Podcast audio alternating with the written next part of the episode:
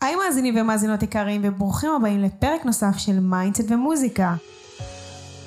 mindset ומוזיקה היא תוכנית פודקאסט שבאה להראות לנו את מאחורי הקלעים של עולם המוזיקה. מדי שבוע אני מארחת כאן נגן, מפיק, זמר, מוזיקאי אחר, וביחד אנחנו מדברים על הדרך והמסע שלהם במוזיקה. איך הם הגיעו לאן שהם הגיעו היום, איך הם מצליחים לפרסם ולחשוף את המוזיקה שלהם לקהל רחב, איך הם מופיעים, איך הם פותחים הופעות, אה, וכמובן נרחיב על ה mindset, על המוח שלנו והגישה שמנהלת אותנו, נאמן את עצמנו להיות הרבה יותר אפקטיביים, עם ערך עצמי גבוה, עם אמונה עצמית, נפרק אמונות מגבילות ונוביל את עצמנו להצלחה מוזיקלית.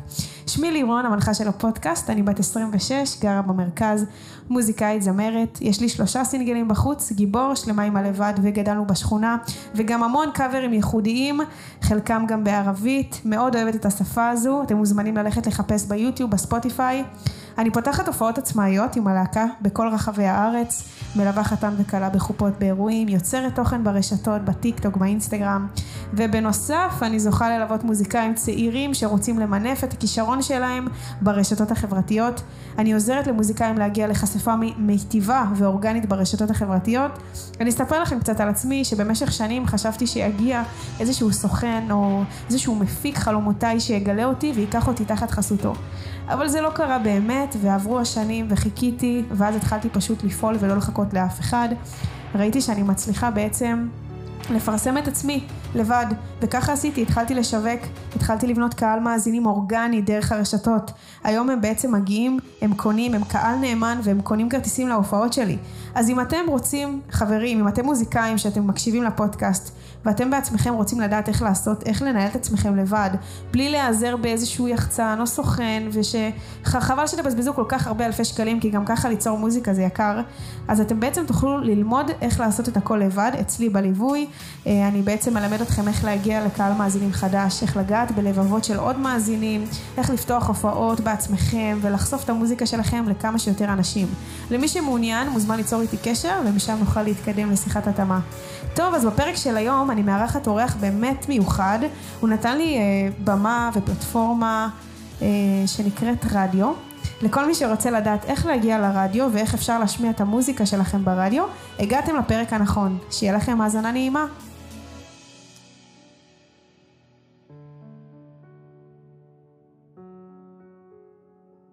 היום אני מארחת את אייל וולקוביץ'. אייל הוא שדרן ברדיו לב המדינה 91 FM חם בשטח, בעבר הגיש תוכניות טלוויזיה. איזה כיף שהגעת. מה שלומך אייל? שלום לירון, מה העניינים? אני מעולה. אני אספר ככה למאזינים איך אנחנו מכירים.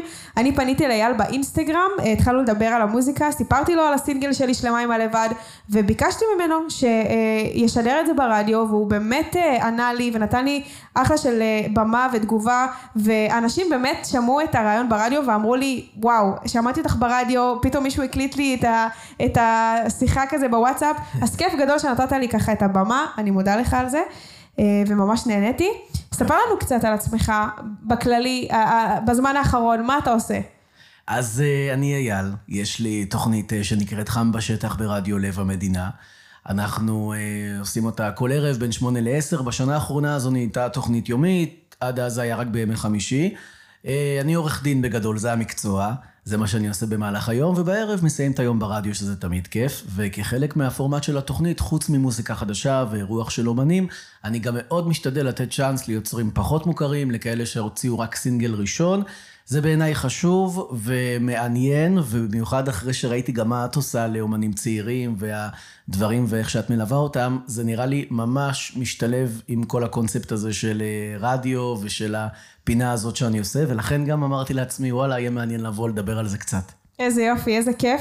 ספר לי קצת איך הכל התחיל, למה דווקא רדיו בכלל? וואו, אני עושה רדיו המון שנים, אני תמיד אהבתי את הפלטפורמה הזו, יש בה משהו כזה מהמסתורין, שהיום קצת, בגלל כל הרשתות, ואפילו כשאותך ראיינתי זה כבר היה בלייב באינסטגרם והכל, אז אולי זה קצת פחות, אבל כל התחום הזה של רדיו תמיד סקרן אותי, מאוד אהבתי את הקטע שאתה, כמו עכשיו, אני מדבר אה, למיקרופון, וחוץ ממך אין לי מושג מי עוד ישמע, וזה משהו שתמיד אהבתי מגיל ממש קטן, וכבר בגיל 12, הקמתי רדיו אינטרנט בבית. וואי. עם איזה, כן, שלושה, ארבעה מאזינים שהיו, אבל בעיניי זה הספיק, כי העיקר שיש לי את כל הדיסקים ליד, אז עוד היה. מה זה אומר להקים והכל. כאילו רדיו אינטרנטי? זאת אומרת שאתה קונה שרת, ואז היה סיפור מאוד מאוד יקר. היום כל אחד תכלס יכול לעשות את זה, וזה גם לא סיפור אה, כלכלי רציני, אבל אז אני זוכר ששילמתי מאות שקלים על שרת רדיו שיכול להחזיק עד עשרה מאזינים, זאת אומרת, זה. היה הלימיט. וזה גם אף פעם לא הגיע לעשרה מאזינים, זאת אומרת, זה- אוקיי. זה, זה הספיק, ושרת ותוכנת שידור כזה כמו של הגדולים, ובעיניי זה היה אדיר, וזה מה שעשיתי בזמן הפנוי. בהתחלה יותר עם להגיש מוזיקה, ואז יותר מצאתי את הפורמט שלי ואת מה שאני אוהב. בזמנו זה היה מתיחות, הייתי עושה כל מיני שטויות וקטעים מצחיקים. ככה גם הגעתי לרדיו האמיתי, זה התחיל אה, ברדיו כל הים האדום באילת, הכרתי חבר ששידר שם, אז עשיתי פעם בשבוע מתיחה אצלו בתוכנית. ועם הזמן זה התגלגל לדברים יותר רציניים. הרדיו הרציני הראשון שעבדתי בו היה אי שם בגיל 15. התחלתי ברדיו קול חי. וואי, גיל צעיר מאוד. כן, וזה גם רדיו שהיה מאוד שונה מהכיוון שלי. אני בא מבית דתי, אבל לא באמת חייתי את העולם הזה, למרות שכן הכרתי את המוזיקה ואת התרבות. וככה הגיעה לי הזדמנות אה, להתחיל להפיק אה, ברדיו קול חי, רדיו אזורי חרדי, שגם היה קרוב אליי מבחינת מגורים, אז בגיל הזה זה חשוב. כן. וזה היה באמת הבית ספר הראשון שלי לרדיו, וככה התחלתי לעשות רדיו אמיתי. בהמשך גם הגשתי שם חדשות ותוכניות, והייתי שם הרבה מאוד שנים, גם אחרי הצבא. מדהים. ותספר לנו קצת אולי על הטלוויזיה, על הש... שהיית אה, מגיש, וואה. אה, כן. זה גם היה כיף, והיו לי כמה דברים שעשיתי. הגשתי פינות אה, וגם הגשתי את המהדורה בערוץ אחד, שזו הייתה תוכנית לילדים. היו שם כל מיני פינות נחמדות ודברים שהם יותר כזה לילדים ונוער. עשיתי גם בערוץ 10 פינה שנקראת חמישה בעקבות אה, פרשה, עם ישי לפידות, שהוא ממש חמוד וגם הביא לי את הצ'אנס הראשון בטלוויזיה. אה, והדבר האחרון שעשיתי בטלוויזיה היה בערוץ 20, היום הוא ערוץ 14. שם הגשתי חדשות כל ערב, עד שהם עברו לירושלים, ואז כבר נהיה יותר בעייתי. ובעצם איך הגעת לרדיו 91 FM? מתי זה. כאילו, כמה זמן אתה משדר שם? ברדיו הזה אני עשר שנים. אה, אוקיי, אה, וואו. הכרתי שם אנשים, אה, הייתי לפני זה ברדיו אחר, וכשחיפשתי משהו קצת יותר קרוב, וגם לעשות תוכנית שהיא יותר אה, במרכז ויותר עם הפורמט שאני אוהב, הצעתי שם להנהלה, אה, הכרתי אנשים, אמרתי להם, אני מחפש עכשיו פורמט חדש, תוכנית חדשה, וממש אשמח שזה יהיה אצלם. זה התחיל כאיזה משהו ניסיוני, לא ידענו בהתחלה לאן ללכת, ואז אמרנו, אם כבר יש את ימי חמישי שהם אה, פנויים, ניתן צ'אנס, בואו ננסה לעשות סוג של מצעד, אבל זה קצת מילה ישנה ולא רלוונטית היום, אז פשוט משהו שהוא מוזיקה חדשה, לסקר את מה שקורה ביוטיוב, באינסטגרם, כל דבר איפשהו הכי חם, לשמוע את השיר המוביל אה, משם. בהמשך זה קצת עבר כמה גלגולים, היום אני פחות מתעסק במה חם בכל פורמט, אלא פשוט מוזיקה חדשה, מארח אומנים, פינות, את יודעת, כן, היית לא מזמן והיה כן. מאוד כיף. אז זה מה שקורה היום אה, כל ערב. מדהים. וכמה לדעתך חשוב היום לאומן להיות מושפע בכלל בתוכנית רדיו? חשוב מאיזו בחינה? לאומן זה חשוב, זה אני כן, יודע כמה זה לפי באמת ה- חשוב לאומן. לדעתי זה הכל בא ביחד, ברור שדברים השתנו מאז הרשתות, אבל אני שם לב שגם עם אנשים עם מיליונים של צפיות ביוטיוב, לפעמים לא מאוד אמיתי, אבל, אבל זה מה נכון. שקורה. ו- וכן, אני רואה שיש לו קהל, וכן הוציא כמה סינגלים, תמיד הקטע הזה של הרדיו, גם מבחינה פסיכולוגית, שזה כאילו החותמת שוואלה, השיר הצליח, ברגע שהוא עובר אה, פלייליסט, וברגע שהוא נשמע ברדיו שבאמת שומעים אותו, ולא באינטרנט, זה סוג של חותמת בעיני האומן, שהנה, משהו רציני הצליח. ומעבר לזה, גם מסחרי. אני חושב שבשורה התחתונה, שם זה המקום האמיתי. כי גם אם אתה יכול לצבור כסף מצפיות, וגם אם אתה צובר קהל, רדיו זה חלק בלתי נפרד מזה. והיום, בשילוב הזה של הרשתות, כמו עם הפינה שעשיתי איתך, שאת עשית משהו מאוד חכם, ששילבת את זה, עם הרעיון שהקלטת ועשית לזה וידאו, ואחר כך גם ערכת את זה יפה. הכל ביחד, לדעתי היום, זה כל החבילה, וזה מה שאומן אה, צריך. אי אפשר באמת לוותר על רדיו, כי, כי שם באמת הכל קורה, גם היום. הוא עדיין מאוד רלוונטי לדעתי. נכון, אני מסכימה איתך לגמרי, וגם דיברנו על זה בעצם ברעיון, גם שאלת אותי, אז אה, דיברתי כל כך הרבה על הרשתות, ואז שאלת אותי, אז למה בכלל דווקא רדיו? אני חושבת שבאמת יש שם איזשהו אה, כוח, אה, קודם כל יש שם אלפי מאזינים חדשים, שאולי לא מכירים את השם שלך, ותמיד טוב להיחשף לאנשים חדשים, כן. אה, ואני חושבת שזה אחלה של פלטפורמה, אה, תמיד היה רדיו, תמיד יהיה רדיו, זה התחיל כאילו באמת, אה, אני חושבת שפעם, כזה, לא יודעת, לפני 20-30 שנה, אה, הרדיו זה היה הדבר, זאת אומרת, אם אתה נמצא ברדיו, אז אתה זמר כאילו ממש מוכר, כן, נכון? נכון. קודם כל היו הרבה פחות אה, תחנות, הרבה פחות... פחות תוכניות ריאליטי גם. למשל, נכון, והיה צריך הרבה יותר קשרים, ולהיות שם מוכר בדרך כלל היה מאוד קשה להיכנס לשם.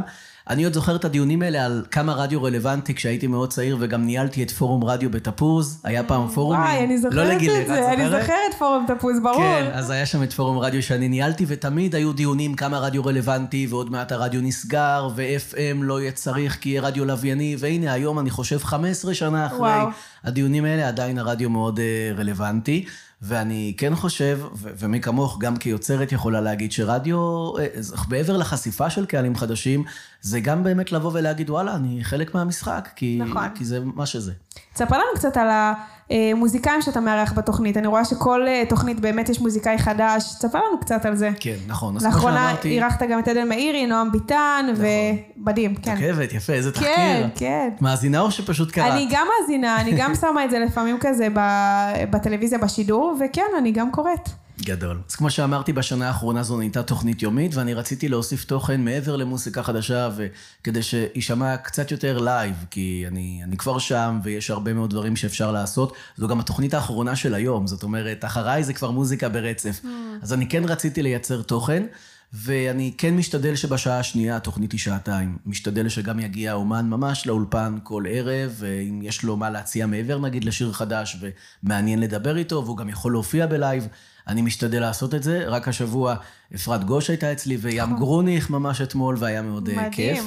אה, ואני משתדל שאם זה לא יהיה אירוח, לפחות יהיה איזשהו אה, פינה של רעיון, או אייטם על זמר שהוציא שיר חדש, כמו שעשיתי איתך, ועם עוד הרבה מאוד, ומה שאני נחשף אליו, זה ברגע שאני מסיים את השידור הזה, כן. עם, עם אייטם כזה, אני מקבל לפחות עוד 10-15 הצעות אה, ביום באינסטגרם, אז- מכאלה ששמעו והמליצו וראו ורוצים גם.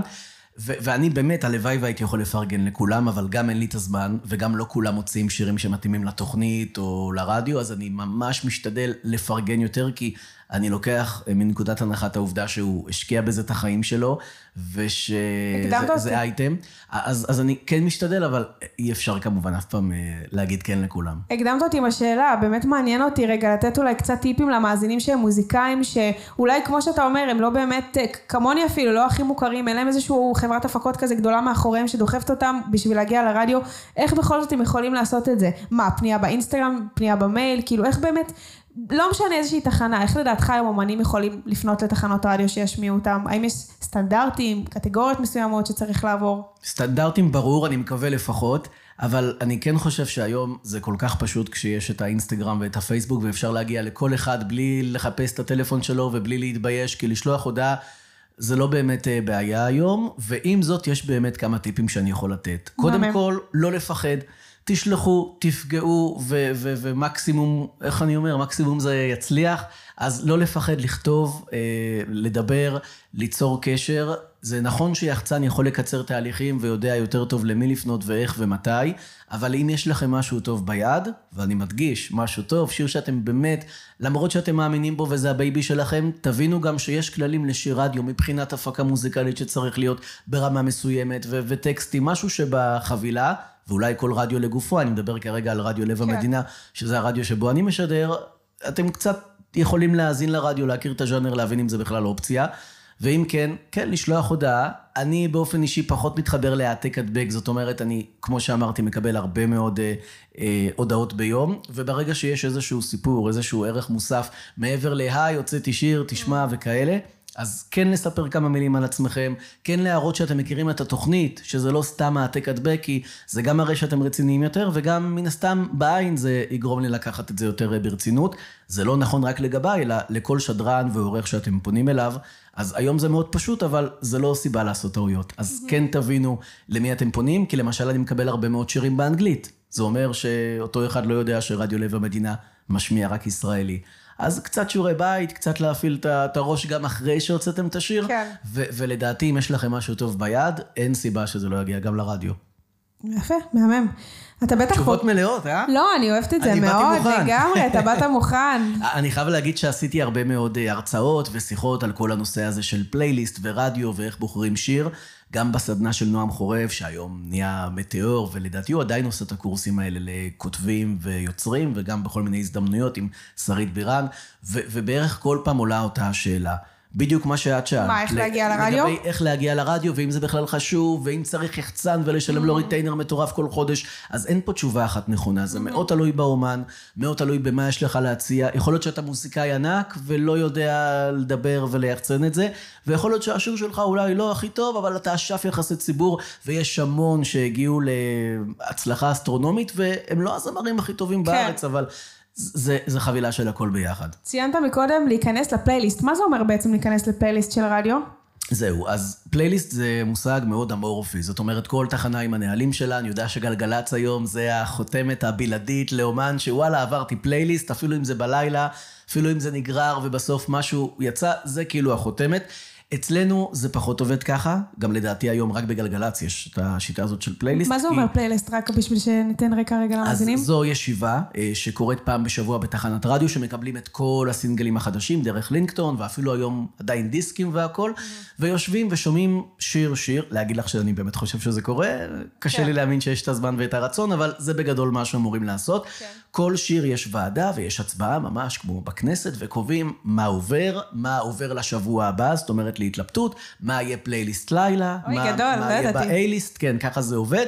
ובגלגלצ במיוחד זה ככה מאוד מסודר, כי שם הם ממש מאמינים בתורה הזו של פלייליסט, ויש את העורך הראשי, את המנהל, את המפיקים, את זה ממש ישיבה, לא יודע היום של כמה אנשים, אבל זה קורה אחת לשבוע. אוקיי. ושם נגזר הדין של הזמר ששלח את הסינגל. שוב, אצלנו זה עובד אחרת, אצלנו יש עורך ראשי לתחנה, שמכיר את הקו, מקבל את כל המוזיקה, והוא זה שבסוף מחליט בהתייעצות עם הוא השדרנים. הוועדה. ו- בדיוק, ו- והוא מכיר את הז'אנר, כבר יודע לזהות מה להיט, יודע מה יתאים לרדיו, בהתייעצות עם שאר השדרנים. יש אצלנו את אליקו, שמן הסתם הוא בוחר את המוזיקה שתהיה אצלו, יש אצלנו תוכניות שלפעמים הם בוחרים לעצמם את השירים. בתוכנית שלי ספציפית זה סוג של שיתוף פעולה, הוא בוחר את הרקע הכללי, אם אני צריך שיר ספציפי, כמו נגיד אם יש אייטם, או אם יש איזה אירוע מסוים להתייחס אליו, ושיר יכול להתאים, אז אנחנו עוברים על זה כל אה, ערב לפני השידור. כן, אוקיי. אתה אוהב מוזיקה, נכון אייל? מאוד, בטח, מי לא? מי לא, נכון? מי לא אוהב מוזיקה? אה, תספר לי קצת כזה, מה, לא יודעת, מה משך אותך כזה במוזיקה? איזה סוג של מוזיקה בכלל אתה שומע? מה אתה הכי אוהב? וואו, זה ממש משתנה בהתאם לתקופות. אני חורש עכשיו על פאר טסי, העולם המתוקן. שיר שלא יודע, גיליתי באיחור. לפני שנה הוא יצא אפילו. נכון, אני ממש, זה לפני חודשיים, שלושה, פתאום שמעתי את זה שוב, זה כזה עבר לידי כמו עוד אה, שירים, כאילו שיר יפה, אבל פתאום תפס אותי משהו בעיבוד שבעיניי גאוני. ועכשיו אני חורש בעיקר על אה, פאר טסי בכלל, האלבום החדש שלו, רדיו. שטח מטורף, אז אני, אני ממש אה, מפרגן לזה בתקופה רעש. הזו. כן, נכון. ו- וזה ממש משתנה, יש תקופה פתאום של טרנסים, אני רואה, יש ביוטיוב כל מיני הצעות לדברים. היוטיוב שלי השתגע כי הוא לא יודע מה להציע לי. זה כל פעם דברים אחרים שאני מחפש, מצ'יל אאוט ועד ישראלי, ים תיכוני. אה, באמת, הכל מהכל. מוזיקה שחשבו עליה קודם, זה, זה בעיקר העדפה. יפה. תספר לי קצת מה המכנה המשותף לכל המוזיקאים שאתה בעצם מארח. נגיד, לא יודע, דברים שלמדת מהם כאומנים, אה, משהו משותף כזה לכל אומן שמגיע ומתארח. תן לי קצת איזה שהוא רקע על הדבר הזה. מוטיבציה ולא רואים בעיניים. אני חייב להגיד לך שהיום גם הגיל ירד, אם אני זוכר את עצמי בגיל 15-16 שכן רוצה לעשות רדיו, אבל מתבייש לדבר עם אנשים שיכולים לעזור לי בזה. היום אני רואה כבר מגיל 15-16 זמרים וזמרות ששולחים לי, ו- וכאילו עם ביטחון שאני מאוד אוהב, כי ככה צריך כן. לעשות. אז, אז באמת מהבחינה הזאת, אני רואה שהכל השתנה, הגיל ירד רואים גם ב- בריאליטי, גם במשחק. ו- וזה קטע, כי בתקופתי אני עוד זוכר שזה לא היה ככה, לא היית יכול להגיע לרדיו עם אפילו נועה קירל, אני חושב הייתה הראשונה שבגיל 16 התחילה לעשות קריירה מזה. עומר אדם גם, אבל אז לא ידעו את הגיל. נכון. אה, ו- ובאמת, אני, אני רואה היום הרבה יותר רעב להצליח, ואני חושב שגם חלק מזה זה התחרות. כשאתה נכנס לטיקטוק, לאינסטגרם, ליוטיוב, אתה רואה שיש סביבך עוד המון שאולי גם דומים לך, ואולי יותר טובים, ואתה מחפש הייחוד שלך, ועל זה גם אני אומר, מבחינת הטיפים שדיברנו קודם, זה, זה סוג של מיתוג, כמו שאתם רואים אריזה יפה בסופר ואותה תיקחו, תחשבו מה הסיפור שלכם, מה המיתוג שלכם. אני לא אומר להמציא ולהתבסס על זה, קודם כל צריך להיות מוכשרים. אחרי שעברנו את המשוכה הזו, ואחרי שיש לכם איזשהו אה, שיר, ו- וכבר התחלתם לעבוד בזה, תחשבו על, על משהו אחר, על משהו שייחד אתכם. זה לא חייב להיות בלהוציא המון כסף על צפיות, על יחצנים, על מיליון הודעות, אלא משהו, סיפור שיהיה לכם לספר. זה תמיד עובד מעבר לשיר טוב. איך בעצם אפשר לבדל את עצמנו מזמרים אחרים? כי כמו שאמרת, יש המון מוזיקאים, יש המון תחרות בשוק. אני חושבת שאגב, התחרות מצטמצמת, אני אסביר גם למה. כי יש את האלה שהם...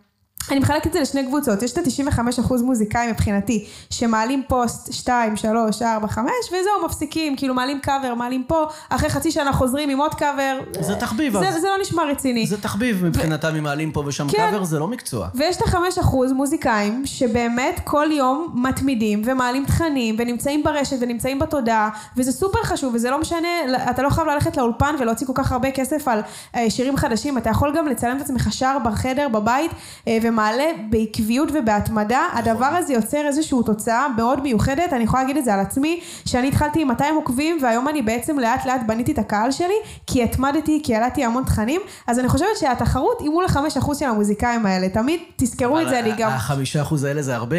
זה שיש כאלה שעושים את זה לכיף. זה עדיף מ-95 אחוז. אה, כן, זה נכון, אבל שוב, זה, זה לא שכל שיר שאנחנו רואים ביוטיוב זה הכוכב הבא, בוודאי, אבל אני כן חושב שהחמישה אחוז האלה שאת מדברת עליהם, זה עדיין המון אנשים, והמון חשיפה שיש להם יותר מאשר בעבר, שאם לא היית ברדיו לא היית קיים. אני mm-hmm. שמח שהיום יש את הפוטנציאל הזה להיחשף בדרכים אחרות, ולא שתצטרך יחצנים יקרים או קשרים, כי בסוף שיר טוב צריך להגיע לאוזניים של כולם. אבל אה, אני גם לפעמים רואה בטיקטוק על ביצועים כאלה, סתם אפילו איזה חייל שתוך כדי שרוחץ כלים שם ב... בצבא כטבח שר, והוא שר פצצה, כן. ואני אומר לעצמי, כאילו, אם אני הייתי יכול לשיר ככה, הייתי עוזב הכל, ישר רץ לאולפן, כל אחד והעדפות שלו, אבל אם מישהו, כמו שאת מתארת, לא לוקח את עצמו ברצינות, ופה ושם מעלה קאבר וזה, אז אני בטח לא אקח אותו ברצינות. Mm-hmm. זה בסוף יפה. אה, א' ב'. אהבתי את מה שאמרת, בסופו של דבר גם אתה כצופה, אתה כקהל, שאתה רואה את הבחור שהוא בעצם לא, עושה את זה כתחביב, אז אתה לא, לא לוקח את זה ברצינות, ברור. ואז לא נוצר פה אמון של הקהל ברור. מולך. יהיה לי חבל בשבילו, כי אני שומע את הכישרון, אבל אני מבין שזה לא מה כן, שבוער בו. כן, זה לא משהו רציני.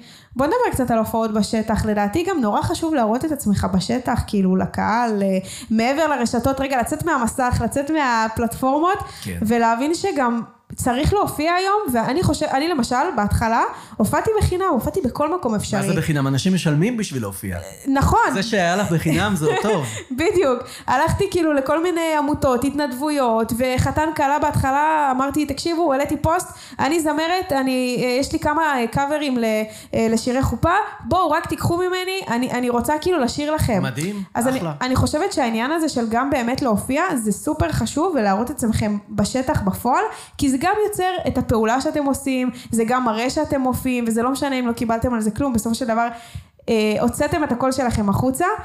מה דעתך היום על הופעות? איך אפשר באמת נגיד לשווק את זה, או לא יודעת, אה, להוציא את זה לפועל בתור זמר? אז אני יכול להגיד לך שזה מאוד חשוב, קודם כל מבחינת ניסיון, נוכחות בימתית, נכון. ללמוד אותה, אף אחד לא מתחיל ישר מקיסריה. יש כאלה שניסו, אבל בדרך כלל זה לא נגמר טוב. אה, ואני חושב שהיום גם אומנים שמופיעים לעשרה, חמישה עשר אנשים ובהתנדבות זה מצוין, זה טוב לקהל, זה טוב בשביל הניסיון שלו. לאט לאט, אם הוא יצליח למלא גם מעבר, אז אחלה, ואם לא, אפשר ללכת על נישות אחרות של כן יותר להשקיע באולפן, כן יותר לבסס את עצמך או לחכות. אני יכול להגיד לך שהיום גם האומנים הגדולים ביותר, אני לא אתן דוגמאות, אבל יש אומנים מהגדולים שהיום מפוצצים את קיסריה, את, את, את מנורה, את המקומות הכי חזקים, ובסוף הערב מפסידים על זה כסף. Mm. רק בשביל לסמן וי ולהגיד, הנה, הופעתי נכון. כאן, זה הרבה מאוד ענייני אגו ותחרות, ולסמן וי שעשיתי את זה. כסף כאן זה לא השיקול, אף אחד לא בא להרוויח כמו שהיום אה, על צפיות ביוטיוב, שאתה יכול להרוויח הרבה יותר מהופעה. אה, סוג של במה היום זה סיפור קצת אה, שונה, זה בעיקר העניין הזה של נוכחות ולהראות שהנה, גם אני עשיתי את זה. ולכן אם זה קורה גם לגדולים ביותר, וכל הופעה היא חשובה, אז, אז בוודאי שגם לאומנים בתחילת הדרך. נכון. זה חלק בלתי נפרד מהמקצוע. לגמרי. בוא ניתן קצת טיפים למאזינים, למוזיקאים, זמרים שאפילו, אתה יודע, אולי לא הוציאו עכשיו איזשהו שיר, איזשהו קאבר, אבל מאוד רוצים, לא יודעים כל כך איך לעשות את זה, אה, לא יודעים איפה אולי להתחיל. איך אנחנו יכולים לתת להם ככה את הצעדים הראשונים ולהגיד להם, בואו תעשו ככה, תעשו ככה, כאילו תן לי איזשהו ככה טיפים שעולים לך. אז זהו, קודם כל אני יכול להגיד, אני הראשון שאת, שאת אה, מדברת איתו כאן מהרדיו, נכון? מהתחום כן, הזה. כן, כן. אז קודם כל זה כיף, ואני מקווה שבאמת גם יהיו עוד וייתנו טיפים ו- ויספרו קצת על איך זה קורה מאחורי הקלעים, כי זה חשוב. אבל אני יכול להגיד, כן. אני רק אגיד שבאמת אני מארחת אה, זמרים, נגנים, מפיקים, וזה פעם ראשונה ששדרן רדיו מגיע לכאן ונותן מהערך שלו, אז זה בכלל כיף. כאילו ראייה אחרת ושונה, ואני חושבת שאפשר ללמוד מזה הרבה. אני מקווה שזה באמת יעזור, אבל אני בא להגיד שאני פה התחנה האחרונה. Mm-hmm. זאת אומרת, כבר הטיפ שאני יכול להגיד בהקשר לשיחה שלנו מקודם, זה אל תבואו אליי עם טקסט יפה ותגידו לי, וואלה, מה דעתך, ולמי אתה יכול לקשר אותי, ו- ואנשים עושים את זה, והייתי יכול לעזור לכולם, אבל זו לא העבודה שלי, וגם לא אין סוכן. לי איך לתרום פה, בדיוק. ו- ולא עם סקיצות כמובן, אני צריך לבוא אליי עם שיר מוכן, גמור, יפה, שבעיניכם ראוי להיות משודר ברדיו, כי יש רמה מסוימת מבחינת הפקה, מבחינת עברית, אתה לא יכול לשיר ו- ולהגיד עשר אנשים. אמ, זה, זה לא עובד, אז, אז כן לשים, לקחת את עצמכם ברצינות, להוציא שיר שהוא מספיק ברמה הזו בשביל גם להיות משודר ברדיו, שיכבד את הרדיו ואת עצמכם.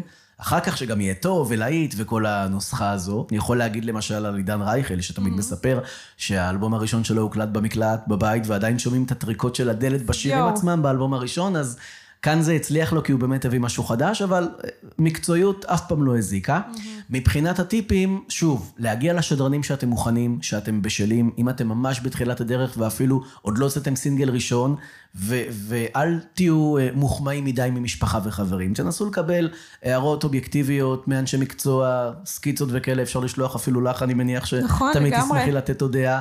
ואם אתם באמת חושבים שיש לכם להיט, ובסוף זה גם יעלה לכם כסף, אולפן, ואולי גם יח"צ וקידום, רק אם זה שווה את זה, ובעיניכם זה משהו שאתם רוצים, איך אני אגיד, להתאבד עליו, הרעב הזה בעיניים שאני באמת רואה אצל אומנים שכל יום כותבים לי בסטוריז ובכל דבר, אז לא בושה, כמה היום עולה להוציא שיר? בואי נגיד על ה... אה, אני מניחה שאפשר לקחת את זה בין חמש לעשר אלף שקל נגיד. אוקיי, ואולי זה שווה את זה, אם יש לכם באמת את מה שעכשיו אה, תיארנו, להשקיע על עצמכם 5,000, 6,000 שקלים, לא חייבים ללכת היום לגדולים ביותר בשביל סינגל נכון. ראשון, משהו שייתן תוצאה מספיק טובה. אה, ותראו בסוף, אחרי הטוטל הזה של כל מה שדיברנו, קודם כל שיר טוב ביד, ובכמה אלפי שקלים אפשר היום להגיע לזה, במקום סתם קאבר אולי שמקליטים בבית או ששרים לחברים, קחו את זה כבר עוד צעד עם אולפן מקצועי. אחר כך, שכבר יש את הכל, תבדקו שוב, אל תיפלו בדברים הקטנים, אל תזלזלו בהפקה, אל תזלזלו בעברית, זה דברים שהם כן חשובים, שהם כן דברים שלרדיו מקצועי יהיו חשובים, וכמו שאני אומר בסוף, אני מקבל בסוף את השיר, ולצערי צריך להחליט אם כן יתאים או לא, כמו אורחים מוזיקליים בכל תחנה, אז תגיעו אולי כשאתם מוכנים, כשאתם בשלים, ואחר כך על כל עניין המיתוג שדיברנו, זאת אומרת, הסיפור המעניין, הערך המוסף, זה כבר כל אחד יודע על עצמו. לכל אחד יש את הסיפור שלו, מה להבליט, מה אולי לא לספר. נניח הייתה אצלי אה, בעבר מישהי שסיפרה כל הזמן רק על כישלונות. בקטע אולי מבחינתה שהוא חיובי, כי פתאום היא מדברת ברדיו, ופתאום היום היא יותר מצליחה. כן. אבל אני לא רציתי שזה יידבק בה, ואני אמרתי לה אחר כך, בואי נקליט מחדש, בואי תספרי על ההצלחות, על הדברים שכן קרו. סתם דברים קטנים שרק אתם תדעו לדעת על עצמכם. כל אחד בחיים חווה גם כישלונות, לא לשים על זה את הזרקור, אין שום סיבה. נכון. אגב, קאברים לא משמיעים ברדיו, נכון? רק סינגלים, שירים מקוריים. לא, לא. לא. אה, אין סיבה. זאת אומרת, אם כן. קאבר, בואי נשים את המקור. אנחנו משלמים תמלוגים אותו סכום, למה לא לשים את עומר אדם ולא מישהו שמחקה הבנתי. אותו? אוקיי. זה, זה לדעתי, תקני אותי אם אני טועה, כן, לא כן. מעניין. סתם עניין אותי באמת אה, להבין את זה. אה, איך אתה בעצם בוחר את המוזיקאים שמגיעים אליך להתארח לתוכנית, או שהם פונים אליך? לא יודעת, למשל כמו... הראשון שבא. סתם, לא. נגיד כמו הזמרים שהגיעו, אה, נועם ובאמת אה, אה, אפרת גוש, זה, זה פניות שלך בעצם, או שהם פונים אליך? כן, כאילו, זה? בדרך כלל האומנים היותר מוכרים עובדים עם אה, יחצנים שאני בקשר איתם, יש להם הרבה מאוד אומנים, ואז לפי הלו"ז של הרדיו ושלהם, במיוחד אם הם צריכים לקדם משהו, למשל אפרת גוש באה אליי לקראת הופעה בסוף החודש בברבי, עשתה כזה סבב תחנות, ואז גם הציעו לי את האירוח איתה. זה מאוד תלוי. יש אומנים שאני סוגר ישירות איתם, יש כאלה שאנחנו אפילו כבר אה, חברים, ואני שולח להם כזה וואטסאפ, אה, מתי אתה בא, כשאני רואה שהוא הוציא שיר חדש או שיהיה מעניין. ויש כאלה כמובן שפונים אליי באינסטגרם, לאחרונה עם הצונאמי הזה של ההודעות שמשמח אותי מאוד, כי אני רואה כמה זה חשוב וכמה יש לזה היענות. ויש המון אומנים מאוד מוכשרים שגיליתי לאחרונה בזכות זה, את שחר אשכנזי, מדהים, ואת עדי הגיא. ואותך, הגע- שהוצאת שיר פגז, אני חייב להגיד לך, רבה. וממש אהבתי לפרגן. אני הגעתי גם, באמת, איזה כיף שהזכרת את שתי השמות של הבנות האלה, כי זה באמת מוזיקאיות מדהימות, עדי הגיא, שחר אשכנזי, וככה גם הגעתי אליך. את שלחת, נכון? תודי, את שלחת. נכון, אני הגעתי דרכ... כאילו ראיתי את אה, עדי מעלה סטורי, ראיתי את שחר, עכשיו אני כאילו אומרת לעצמי, וואו, איזה יופי, איזה כיף שככה יש להם אה, פלטפורמה ברדיו. ברדיו, וישר כזה ראיתי מי מתויג, נכנסתי לפרופיל שלך, ופשוט שלחתי הודעה, אמרתי מה שיהיה, הכל כאילו, אתה יודע, אני תמיד מנסה. איזה כיף. ובאמת, כיף להבין שיש הרבה מוזיקאים שעושים את זה נכון, ופונים, ו- וזה נותן השראה לגמרי, גם אני הסתכלתי על זה כהשראה. לגמרי. אז אני שמחה שנתן לנו ככה את הבמה לדבר עליהן. וסליחה שפספסתי שמות נוספים, אני בטוח שהיו עוד, אבל זה כרגע מה שעלה לי בראש, כי הן האחרונות שאיתן אה, דיברתי. ואני חושב, אני גם שואל במקומך עכשיו, אבל תוך כדי אני חושב לעצמי, כן. אה, שיש באמת הרבה תחנות והרבה תוכניות, ולמה אין את זה בכל תוכנית כזה, לתת במה יותר לאומנים חדשים, ואני יכול להגיד בתשובה הקצרה, זה לא מספיק מעניין. בדרך כלל שירים שלא התפוצצו או לא נהיו להיטים, או שזה אומנים לא מוכרים, אין סיפור מאחורי. וגם אם השיר מספיק טוב, בדרך כלל אנשים היום בעידן האינסטנט של מהר לעבור, ואם טיק טוק לא מעניין תוך שלוש שניות מעבירים הלאה, ככה זה גם ברדיו. והאינטרס שלי הוא שיישארו על התוכנית שלי.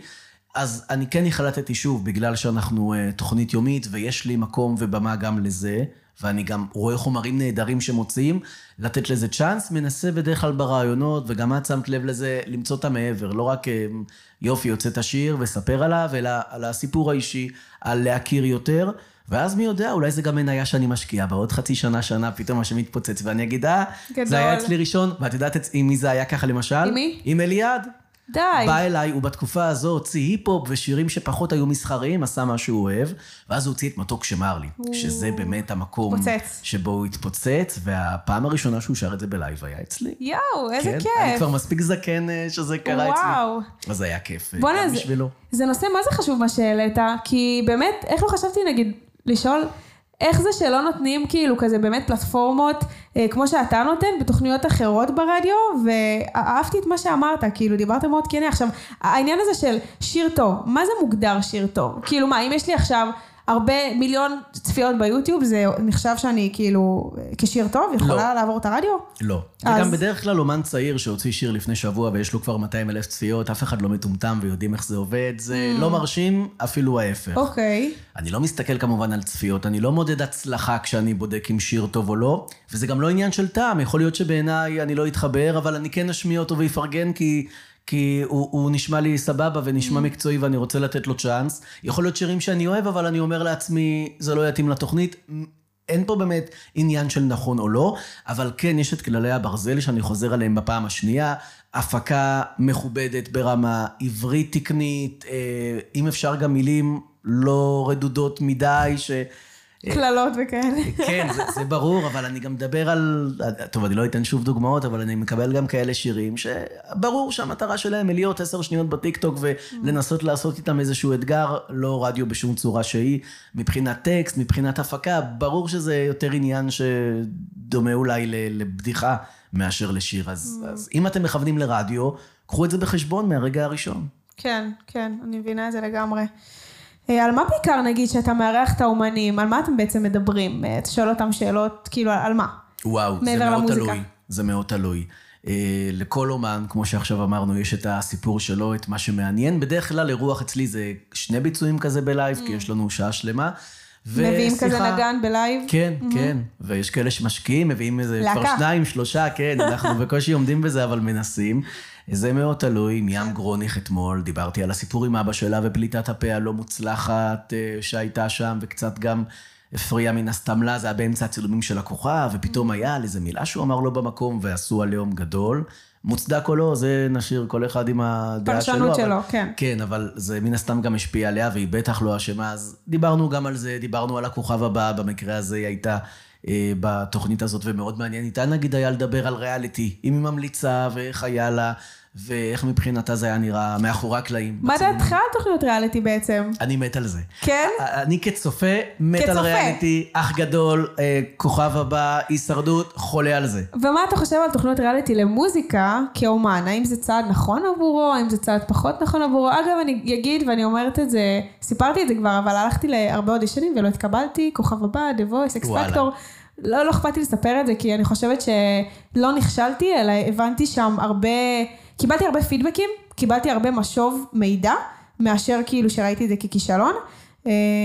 אז ככה סתם מעניין אותי אה, להבין מה דעתך על תוכניות ריאליטי, כי ראיינתי פה גם כל מיני כאלה שהיו בתוכניות ריאליטי, אם זה נועם ביטן שהיה באייל ו... נכון. ואבי, ואם זה אורי שקיף שהיה אה, בכוכב הבא וגם ב-The Voice.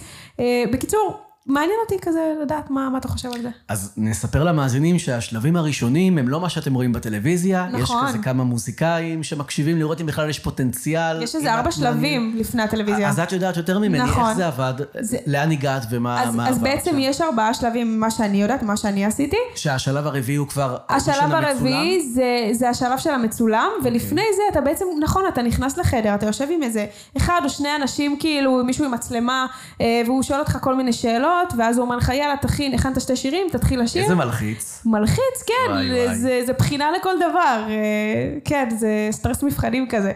אה, ואז... לא אומרים מיד אם לא, עברו. לא אומרים מיד, זה לוקח איזשהו, לפעמים חודש, לפעמים שבועיים, ואז חוזרים אליך או במייל או בטלפון, ואז מזמינים אותך לעוד אודישן. אה, ואז יש לך בעצם עוד בחינה, לפעמים זה גם בקבוצות, בדינמיקה עם עוד אנשים. כן. אה, ורק, ורק אז בעצם אתה עובר את הסינונים, ואז אתה בעצם מגיע לטלוויזיה, זה משהו שלא הגעתי אליו, אה, לאודישן המצולם של הטלוויזיה. זו הייתה חוויה לכל דבר, אני נהניתי, הכרתי שם הרבה מוזיקאים. וזהו, כאילו, אני, האמת שקיבלתי גם כל מיני פידבקים מהשופטים שהם יותר כזה, היו uh, בתחום, ולקחתי את זה לעצמי, כאילו, לקחתי את זה באמת זה למינוף uh, מינוף טוב. זה חשוב. אפילו דורון מדלי פעם אחת בחן אותי, ובאמת נתן לי כאילו פידבקים ממש uh, ככה טובים להתפתחות שלי כמוזיקאית. אז אני מאוד מודה על הרגע הזה, ובכללי אני חושבת שאם נגיד נדבר על תוכניות ריאליטי, אולי זה משהו טוב שלא התקבלתי, כי אני חושבת שיש שם גם המון סטרס והמון לחץ והמון כזה אמ, ציפייה ממך, כזה כמוצר, כזה שתהיה לפי התוכנית ריאליטי, ברור, כי בסוף הם רוצים ריאליטי. ברור, מחפשים דמויות, אפילו כשזה לא האח הגדול ולא מחפשים את הריבים והאקשן, מחפשים דמויות עם הסיפורים הקיצוניים, עם דברים שיש מעבר. אני יכול להגיד בהתרשמות שלי, ושמעתי אותך עם השיר ואת זמרת מצוינת. תודה רבה. אז זה לא העניין, יכול להיות שהם חיפשו את הקיצוני יותר, ואת, סבבה, זה אולי מחמאה אפילו, נכון. אבל אני גם בעד שתמשיכי לנסות, כי כל הזמן יש, ואין שום סיבה, אה, ואין שום סיבה לוותר על זה. אה, ותגידי תודה שאולי זה לא היה שהתקבלת ואז ארבעה אדומים, אני יודע, זה, נכון. זה, זה יותר גרוע. יש גם פרסום... אני לא הייתי עומד בזה. יש גם פרסום רע נראה יש לי. יש פרסום רע, כן, לא יודע מי המציא שלא, יש גם פרסום רע, תשתדלו להימנע ממנו.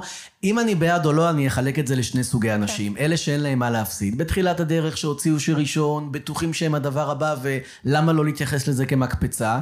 ואלה שיש להם מה להפסיד, המוכרים יותר, או אלה שיש להם נגיד פחד במה שפתאום יכול להתפרץ שם ולהשפיע וליצור אודישן לא טוב, ואז תחשבו עם עצמכם כמה אתם באמת רוצים את זה, כי ללכת על זה זה ללכת על כל הקופה, אתם תהיו בטלוויזיה, זה לעד יהיה בגוגל, ותחשבו אם אתם מוכנים לשאת במחיר. ואני ממש לא רואה בזה בניגוד לדעה הרווחת בדרך כלל שזה רע וזול, בטח למוזיקאים ובטח ריאליטי ברמה כמו הכוכב הבא. ועכשיו שזה לא לאירוויזיון, אז גם אין את הלחץ הזה של אה, מספיק מיליון שקל לדעתי כפרס. אז, אז למה לא? כאילו, בשורה התחתונה, בסוף זה מינוף לכל כללי, דבר. כן, למה לא? למה לא לנצל את הפרסום והפלטפורמה? אין ספק שזה בעיקר, אני חושב, עוזר. אה, תספר לי קצת, מה, מה אתה רואה את עצמך כזה להמשך הדרך? מה אתה מאחל לעצמך? לאן אתה רוצה להגיע? מה, אנחנו כבר לקראת הסוף של מה אני מאחל לעצמי? האמת שכן, אנחנו לקראת נכון. הסוף, אנחנו כמעט 40 דקות מקליטים כאן. יפה מאוד. מקווה שזה מוקלט באמת ולא נצטרך מההתחלה. כי זה סיוט של כל מי שמתעסק בזה. אפשר. להגיד משהו? אני פעם הקלטתי אה, זוג סיוט. אה, כותבים ויוצרים, הגיעו אליי מהצפון, והפרק פשוט נמחק, אני ממש מתנצלת. אני דיברתי איתם על זה, אנחנו קבענו תאריך חדש, אבל כן, זה הפשלה שלי, אבל אל תדאג, זה מוקלט. אין פה חנייה, אין סיכוי שאני בא שוב. למרות שכיף לי ממש. לא, לא, אל תשחיר לי פה את הפודקאסט, די, לא, זה לא מה, כיף. כיף ממש, אבל חנייה תבואו לפני הזמן קצת, קחו חמש דקות לעשות סיבוב. אבל אחלה אזור מבחינת, ראיתי קניון קצת, וזה כן, יש כן, מה לעשות. כן, כן, ראשון לציון אה, מתפתחת. כן, כיף. אני מאחל לעצמי להמשיך בדיוק ככה. אני באופן אישי בתקופה אה, נהדרת, כיף לי ברדיו, כיף לי אה, בעבודה. שנייה, אני גם עורך דין, נדבר על זה אולי פודקאסט הבא. אז אה, תכלס העבודה, ובערב רדיו, שזה כל מה שאנחנו עכשיו מדברים עליו, שזה עולם שלם, ואני ממש אוהב את השילוב הזה. כיף לי בתוכנית, כיף לי ברדיו, עם האנשים, עם המאזינים, הפידבקים, שכמעט כל תוכנית מישהו מהעבר, או מישהו שבמקרה שומע כותב. זה, זה, זה הכי כיף, זה רדיו אמיתי. אז אתה מאחל לעצמך להמשיך לשדר, ולעשות ככה. מוזיקה טובה עם אה, מוזיקאים, כאילו לשדר אותם ולעזור לגמרי. להם. ולהגיד, וואלה, לירון שזכתה במיליון שקל בכוכב הבא, גדול. דיברה אצלי והייתי אצלה בבית בפודקאסט, וזה זה היה אה, כיף. איזה אז כיף. תזכרי את זה. תודה אייל, אני מה זה מעריכה שהגעת ונתת. מהזמן שלך, אני בטוחה שהרבה מאזינים מוזיקאים מוכשרים יוכלו ללמוד מהפרק הזה, פרק מאוד מיוחד. אני, אתה יודע, גם אגב, הרבה אה, זמרים פנו אליי ושואלים אותי מלא כל הזמן, תגידי איך מגיעים לרדיו, איך עושים את זה, איך זה, אז הנה, יש לכם פה את כל התשובות, יש לכם פה תשובות מאוד מאוד מפורטות, וחייבת להגיד שכל הכבוד לך, שאתה גם עורך דין ואתה גם עושה את מה שאתה אוהב. תודה. אתה לא ויתרת על ה... על ה... נקרא לזה התשוקה שלך כאילו לדבר הזה, ואני מאוד מעריכה אנשים כאלה. תודה, איזה כיף לשמוע. משלמים על זה מחירים, אבל זה כבר לפרק הבא. יאללה, אנחנו נעשה עוד פרק. היה. ממש כיף. תודה רבה, אייל וולקוביץ'. תודה, לירון. איזה פרק מדהים היה לנו. תודה רבה לאייל וולקוביץ' שהגיע להתארח אצלי. חברים, מאזינים יקרים, מוזיקאים יקרים שלי, אני רוצה להודות לכם שמדי שבוע אתם מאזינים ומקשיבים לפרקים שלי, ויותר מזה, אני אשמח מאוד מאוד אם תשתפו ותעבירו הלאה את הפרקים, ובכלל את הפרק הזה, לכל מאזין, לכל מוזיקאי שזה יכול להיות רלוונטי עבורו, אני יותר מאשמח. כרגיל אני אגיד שנתראה בפרק הבא, ואני רוצה לסיים ככה עם קאבר מיוחד שלי שנקרא ככה בלי שלום. תהנו, האזנה נעימה חברים, נתראה שבוע הבא.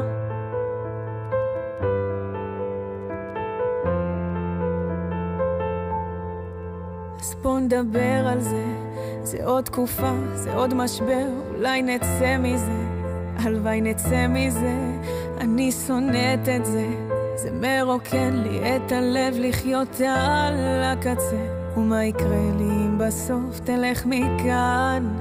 אני לא מת על הלבד, זה מסוכן. ובלילות תמיד חוזר הגעגוע, הוא תופס אותי אף פעם לא מוכנה, ויום יבוא ועוד נצחק על זה שבוע, למרות הכל תראה אנחנו כאן, השמש נעלמה בים, זוכרת שעות יפות משם, ואיך רקדנו, כמה רקדנו. אז בואו נפתח את זה. עוד יום חולף, זה מרסק כל המצב הזה, כל המצב הזה. כואב לי בחזה, כשהלכת לא נשאר בי שום דבר, שום דבר. ובלילות תמיד חוזר הגעגוע, הוא תופס אותי אף פעם לא מוכנה, ויום יבוא ועוד נצחק על זה שבוע, למרות הכל תראה אנחנו כאן, השמש זוכרת שעות יפות משם, ואיך רקדנו, כמה רקדנו.